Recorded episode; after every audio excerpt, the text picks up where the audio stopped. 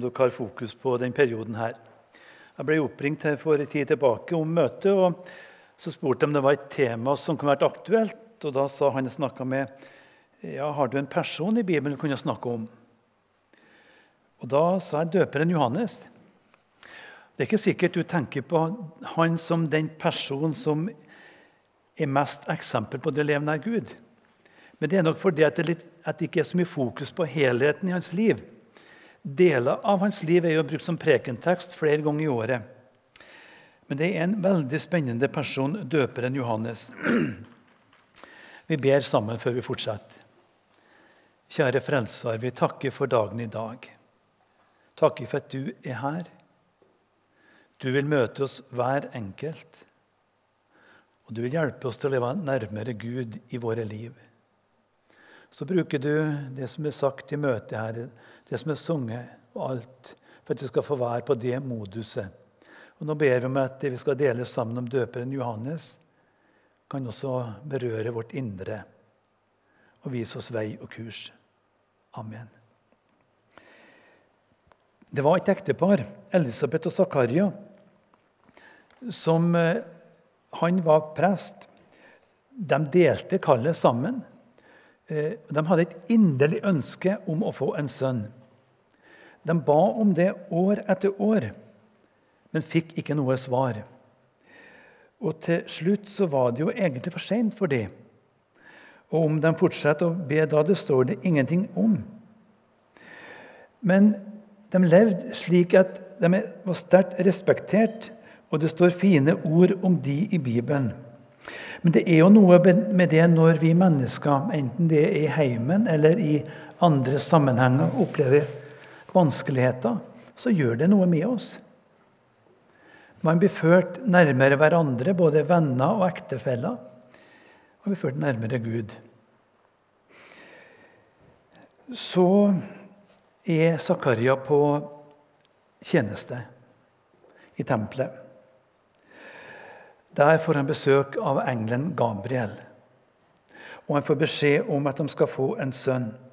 Og det er jo overveldende, et overveldende budskap for Zakaria å få. Men det blir slik. Det skjer flere detaljer her som ikke jeg går inn på. Men det minner oss om, som det står i en sang, det er svar underveis. Engler kommer med bud. Om det drøyer, det frem dog skal nå. Det var sagt mye fint om den gutten som disse to skulle få. Lukas 1, 14. Han skal bli til glede og fryd for deg. Mange skal glede seg over at han er født. Han skal være stor i Herrens øyne. Han skal ikke drikke vin og sterk drikk, og helt fra mors liv skal han være fylt av en hellig ånd. Viktige, flotte ord. Gud hadde store planer for Johannes. Ja, Faktisk så er vel han den som har den viktigste oppgaven i kristenheten utenom Jesus sjøl. For det som Gud hadde tenkt, var at han skulle være en mellomperson mellom det vi kaller for den gamle pakt, som har vært for jødefolket helt fram til da, og den nye pakt som kommer med Jesus, som vi kaller for nådepakten.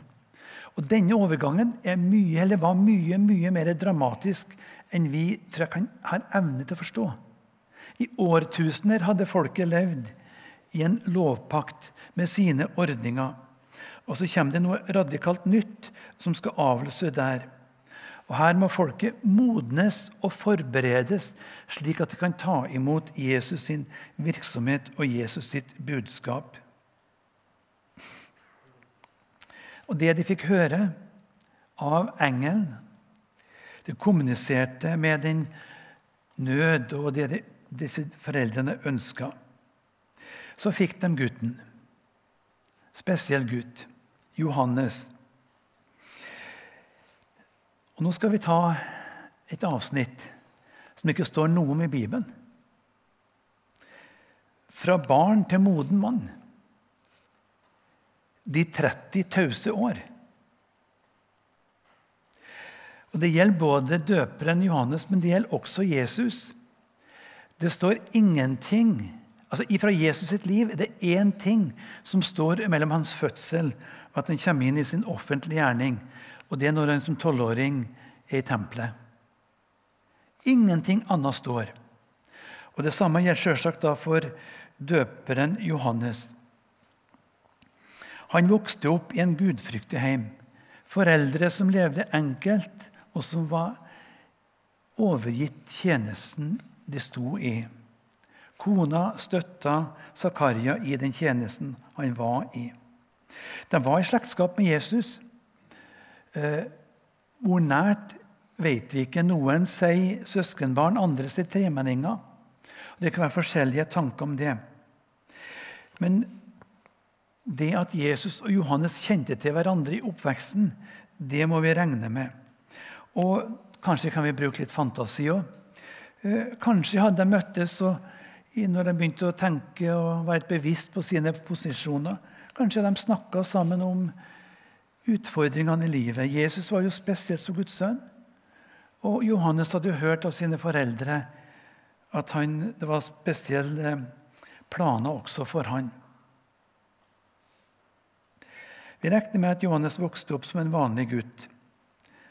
Barneåra var som for de andre. Det lå en tanke der og at Gud har en spesiell plan med ditt liv. Og Han har nok lært å be, lært å søke Gud, lært å leve i stillhet og lytte til, sin, til himmelens Gud. Om Johannes og den funksjonen eller situasjonen han blir født inn i, så har vi et ord i Bibelen, det er nasirer.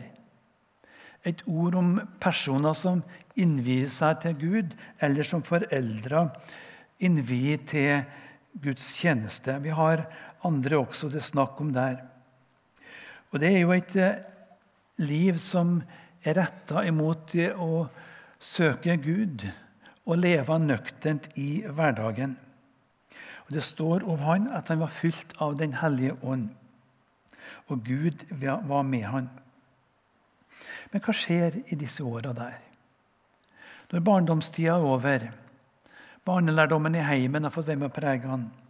Så skal han modnes som ungdom. Så skal han modnes som menneske. Og Han kjenner til det som vi allerede har sagt flere ganger, det som er sagt om hans liv. En modning med døperen Johannes som jeg har vært fascinert av, det er modninga som gjorde at han fikk et nytt syn på Jesus. I starten kanskje som en slektning som treftes av og til. Men han hadde så barne, sterk barnelærdom og så god innsikt i jødenes historie. Kjente til profetiene. Og etter hvert så gikk det opp et lys for henne. Begynte å komme en tanke hos ham. Det der er jo Messias. Den lovede profet. Så over år så blir han på en måte frigjort fra tanken på at Jesus er min kjære slektning, så begynner han å få øynene opp for at han er min frelser og redningsmann.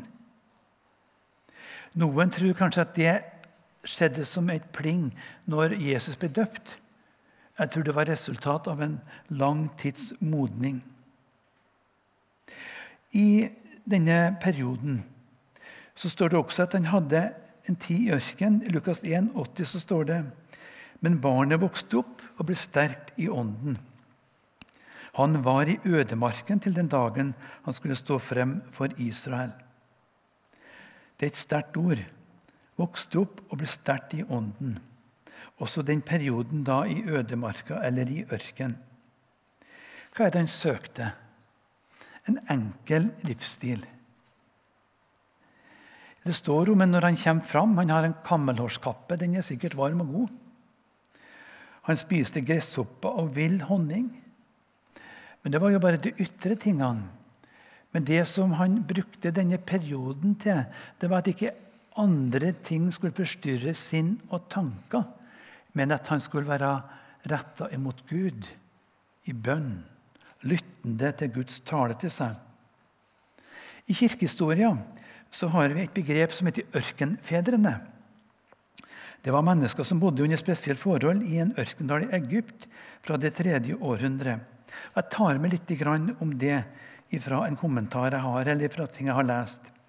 Ørkenens ensomhet og taushet gav dem optimal mulighet til å fremme sin åndelige utvikling og vekst. Å samle alle sine tanker om det åndelige og gjøre hele tilværelsen om til bønn var det ene store målet for ørkenfedrene, og alt annet ble underordnet. Døperen Johannes hadde noe av det samme dimensjon over livet sitt. Ytre lammann skulle være enkel, slik at kontakten oppover var god. Og Her er det en som er viktig. Når vi ber, så har det lett for å bli monolog i en travel hverdag. Og det er viktig. Vi er utfordra og oppfordra til å be mest mulig. Men i samværet med Gud og i bønnelivet så skal det være dialog. Og Da må det tid og ro til for at han skal få komme til. Det er noe å tenke over en travel og stressa hverdag. Har noen av dere vært på retreat? Jeg har vært det og noen ganger vært med å drive retreat for over 20 år siden. Var en utrolig spesiell opplevelse når hverdagens ståk begynte å legge seg bak. Og stillheten, den gode stillheten åpna opp både innover og oppover. Men det som er spesielt med døperen Johannes, er at på tross av en slags eremitttilværelse Når han står fram i sin offentlige gjerning, så er han en person som kan kommunisere med samtidens mennesker. Det er jo av og til at vi kristne, kanskje ikke minst vi som reiser, blir beskyldt for å ikke være kjent med samtida og ikke kan kommunisere med folk rundt oss. Det gjorde i alle fall døperen Johannes. Så har jeg lyst til å ta en liten avbrekk fra det. Du som er her i dag, hvordan har du det?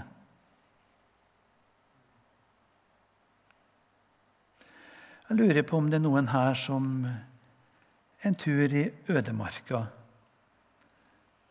i en slags ørkenvandring. Ting har skjedd som gjør at livet er krevende. Og det å bli tatt avsides er ikke enkelt. Jeg har sjøl opplevd det. Når sykdom dukker opp, når du ikke er i stand til å utføre arbeid, når du ligger for deg sjøl på sykehus dag etter dag, uke etter uke. Eller en er hjemme og er tatt til side. Tankene kretser om oss sjøl. Og så lurer vi på hvor er Gud? Hvor er Jesus i mitt liv? Så har vi alle en syndenatur, og den tar aldri ferie. Det er veldig lett for å dukke opp i slike situasjoner for å gjøre hverdagen krevende. Det er mange ting som skjer. Det er destruktive ting som skjer. Det kan jo være positive ting. For Midt oppi det hele så, begynner, så roper vi på Gud. Så søker vi Jesus. Trygler og ber. Kanskje med tårer på kinn. Og av og til syns vi han er treg til å svare.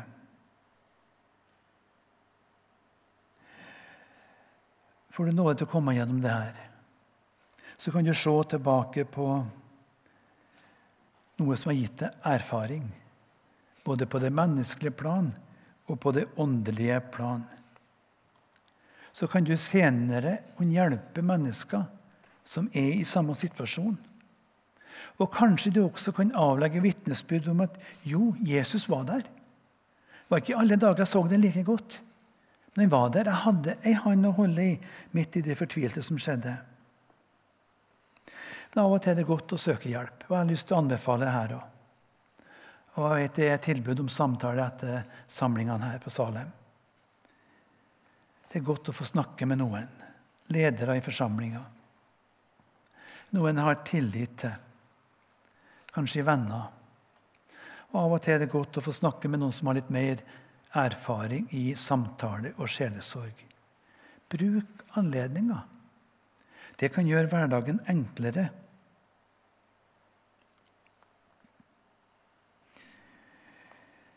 Døperen Johannes er ferdig med sin ødemarkvandring. Han starter virksomheten sin i områder rundt Jordan. Og Da står han fram som en moden person. Moden kristen. Og en utrolig moden forkynner. Og hva var det som har gjort ham til det? Han hadde levd nær Gud.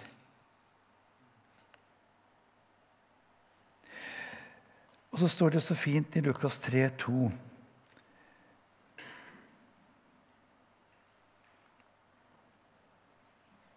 Da kom Guds ord til Johannes Sakarias sønn i ørkenen. Da kom Guds ord den. Han var nok bevisst på at han var en mellommann, en budbærer, en rydder, veirydder for Jesus.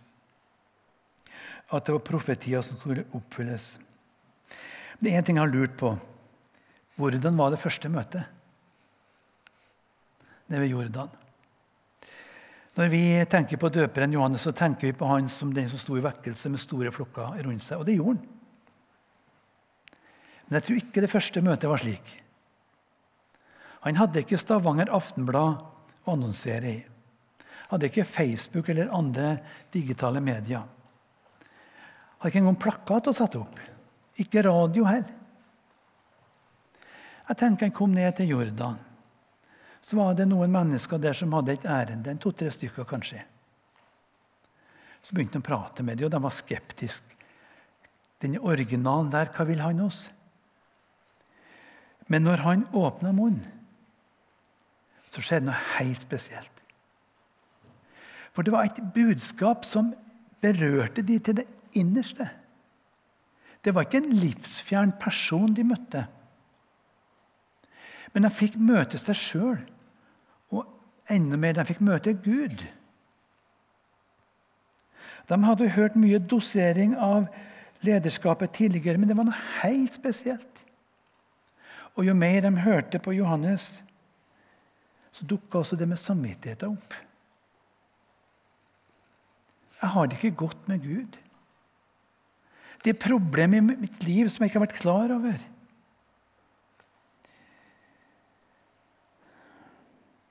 av det budskap han forkynte, så står det gjengitt kort i evangeliet vår. Vend om, for himlenes rike er kommet nær. Det tror jeg var summen av det han forkynte. Jeg tror ikke han var en sånn type som sto på en haug og så ropte han de, denne korte setninga hele tida. Vend om, vend om, vend om. Han gjorde det innimellom også. Men Jeg skal ta et lite eksempel. Eh, jeg er jo trønder, som dere hører. Jeg kommer fra en plass vest for Namsos. I, hadde, I oppveksten så hadde vi sjøen noen hundre meter hjemmefra. Om sommeren så bada vi kanskje flere ganger for dagen i sjøen. Enten det var sammen med pappa eller andre søskenbarna. Og der Nedenfor heimen min der så kom det ned ei elv. I Trøndelag så er det ganske langgrunn på, flo og fjæra, eller på fjæra. da. Men når det var flo, så var det veldig kjekt å gå, for da, da gikk det utover, og så ble det litt og litt dypere. Så pappa advarte oss pass dere for marbakken. Altså overgangen mellom det er relativt flatt til plutselig det blir dypt. Og så gikk jeg der, en liten gutt, og utover. Vannet kom lenger og lenger opp. Plutselig gled jeg ned. Stiv som en stokk. Men heldigvis var det noen søskenbarn der. De sto ikke langt unna og ropte 'Nå må du komme deg opp. Må du berge deg sjøl.' Hva gjorde de? De gikk bort til meg, tok tak i handa og dro meg opp. En gang til skjedde det samme. Om jeg var nær å drukne, vet ikke jeg, men jeg har ikke klart meg sjøl. De redda meg ved å komme til meg. Og slik møter Jesus oss gjennom det som forkynnes. Døperen Johannes eller andre. Så kom altså Gud til folket. Det var ikke satt opp noe krok bak der for samtale. Men det var mange som måtte ha en samtale med døperen Johannes. Som måtte snakke ut om det som var vanskelig i livet. Og som skjønte at her må det bli en ny kurs. Og Som et ytre tegn på at de ville bli et Guds barn, døpte Johannes de. Kjempeflott. Det var store flokker som dro ut, og som ble berørt, og som ville begynne et nytt liv. Det kom også noen av det religiøse lederskapet. De fulgte jo med i det som skjedde, og var jo veldig skeptisk til døperen Johannes. De ville også bli døpt, sikkert for å teste den. Men de hadde ingen synd å bekjenne. Samvittigheten var ikke berørt av det budskap de hørte. Og da sier døperen Johannes til dem, Matteus 3, vers 7-10. Men da han så mange av fariseerne og sadukerene kom for å bli døpt, sa han til dem, ormyngel, hvem har lært dere hvordan dere skal slippe unna den vreden som skal komme? Bær da frukt som svarer til omvendelsen. De trodde at de var et Guds barn, trodde at alt var i orden. Det var ikke det. Men han skjønte det dessverre ikke. Det var ingen lettvint vei til himmelen for de. Veien var den samme for de som var berørt av Johans. Det var å gi sitt liv til Gud i dåpen. Og så kommer det neste. Jesus kommer en dag ned til Jordan, der døperen Johannes har sin virksomhet.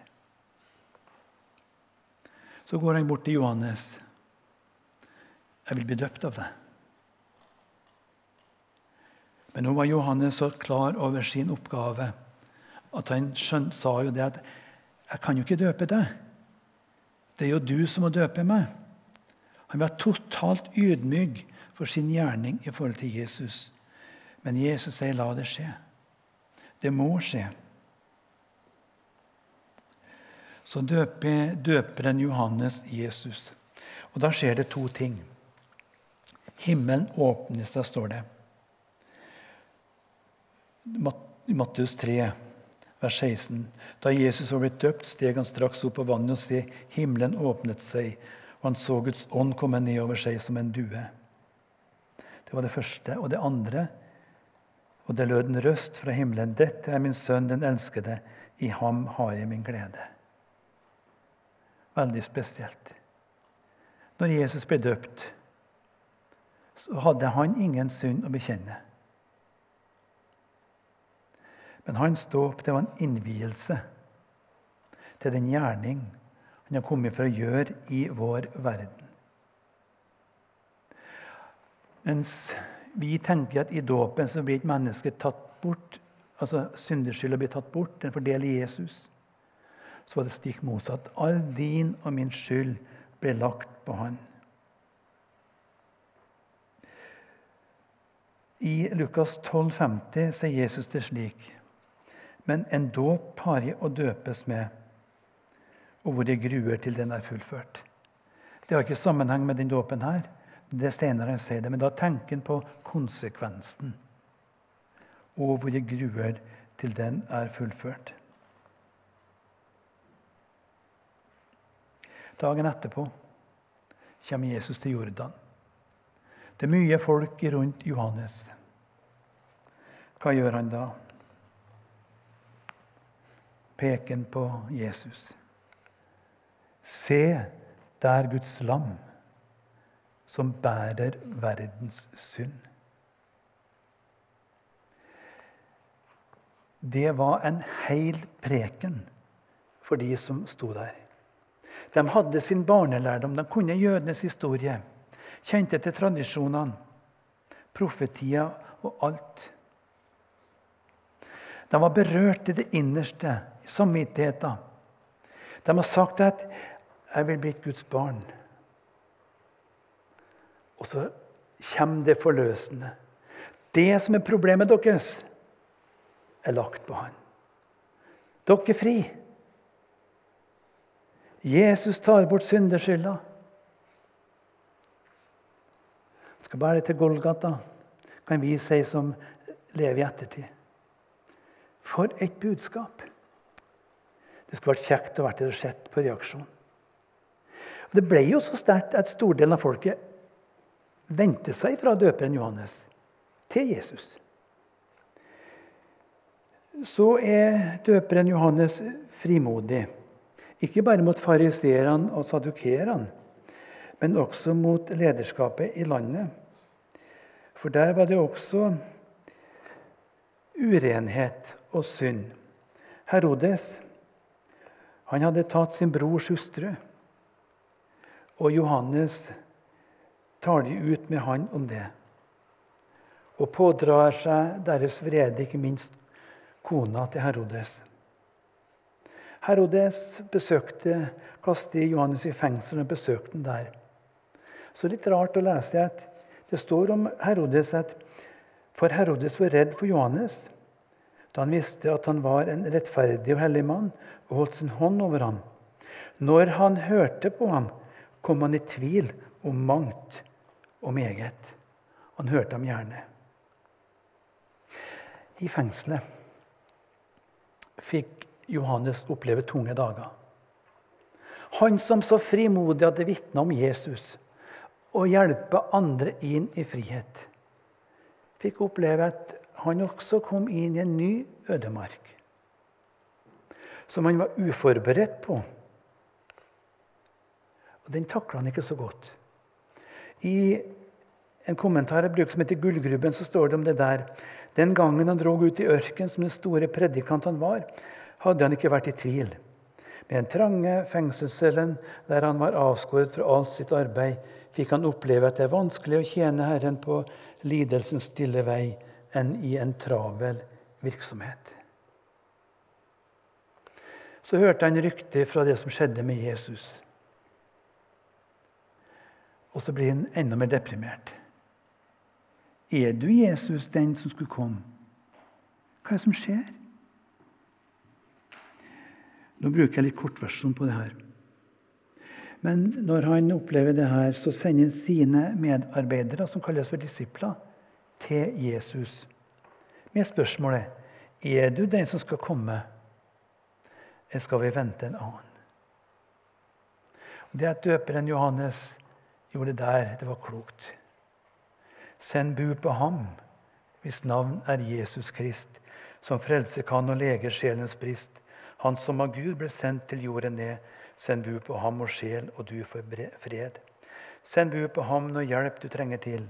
I mørke stund han lyser for det vil. Når ingen utvei du kan øyne mer, send bud på ham, som også da er nær. Og jeg kan godt gjerne tenke deg, Hvorfor ikke du Jesus ta en tur til fengselet til meg? Han hadde jo så behov for det. Men hva sier Jesus til medarbeiderne til Johannes når de kommer? Gå og fortell. Gå og fortell Johannes hva dere hører og ser. Altså, dere skal få avlegge et vitnesbyrd. Det var Jesus svar til Johannes. Så kommer de tilbake og forteller om under som skjer. Store under òg. Og det siste som sies, og evangeliet forkynnes for fattige. Nå driver Jesus med det som du, Johannes, drev med. Nå er det en Guds lam som samler folket rundt seg for å bruke bildet. Og Det var en utdrakt arm til Johannes. Du er ikke glemt. Du kommer gjennom vitnesbyrdet. Gud har sin hånd om deg, også når han måtte late livet.